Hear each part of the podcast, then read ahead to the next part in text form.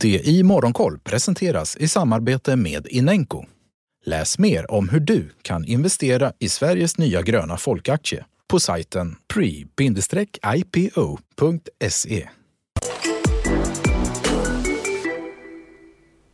God morgon, välkommen till det i Morgonkoll. Blandade rörelser i Asien. Stockholmsbörsen ser ut att öppna försiktigt uppåt och terminerna för USA-börserna pekar mot en öppning upp efter fallet på Wall Street igår. Tokyobörsen och Hongkongbörsen backar svagt. Shenzhenbörsen handlas i sidled och Shanghai-börsen stiger försiktigt. Den japanska kärninflationen steg för femte månaden i rad i januari med 0,2 procent jämfört med i fjol. Det var dock något mindre än väntat samtidigt som energipriserna steg till sin högsta nivå på 41 år. Och den ökade oron för en rysk invasion av Ukraina sänkte börserna på Wall Street igår. VSP-handlet backade 2% och teknik och Nasdaq föll närmare 3% efter uttalandet från president Joe Biden att det verkar som att Ryssland kommer invadera under de närmsta dagarna. Den amerikanska tioårsräntan får tillbaka 8 punkter till 1,96% men har återhämtat sig något och står nu i 1,99. Marknaden ser dock ut att ha lugnat sig något idag efter beskedet om att USAs utrikesminister Antony Blinken tackat ja till ett möte med den ryska utrikesministern Sergej Lavrov i nästa vecka under förutsättningen att Ryssland inte invaderar Ukraina. Samtidigt så kommer USAs president Joe Biden idag fortsätta att tala med ledarna för Nato, EU samt en rad EU-länder. Bland de rapporterande bolagen så föll halvledarjätten Nvidia 7,5% av sin rapport igår trots att man rapporterade högre omsättning och vinst än väntat. Under innevarande kvartal så kommer man dock göra en nedskrivning till följd av det fallna köpet av ARM på 1,4 miljarder dollar.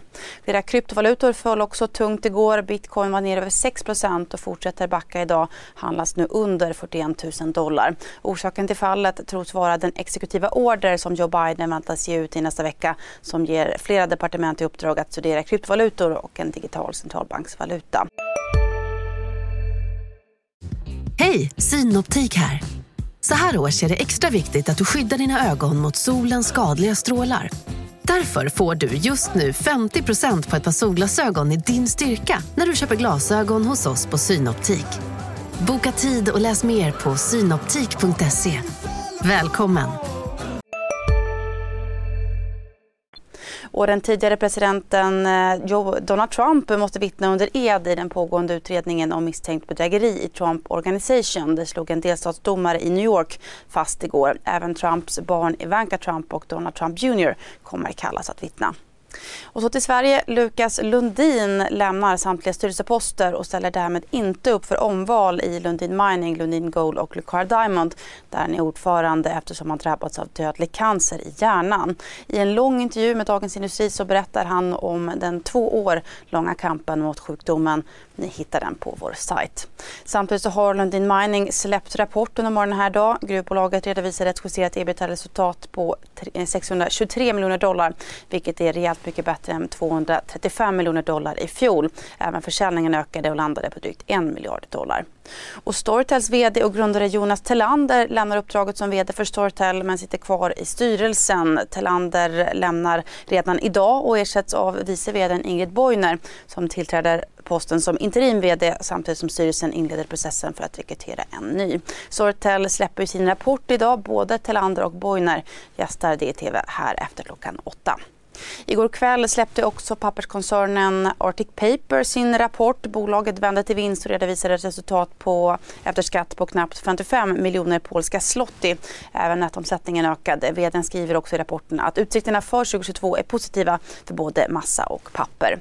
Och så föreslås Ren Barnekow som ny styrelseledamot i Handelsbanken. I slutet av januari så framgick ju att Barnekow lämnar posten som vd för Microsoft Sverige och i slutet av förra året lämnade hon ju också Creades styrelse på grund grund av en intressekonflikt i ett kommande uppdrag.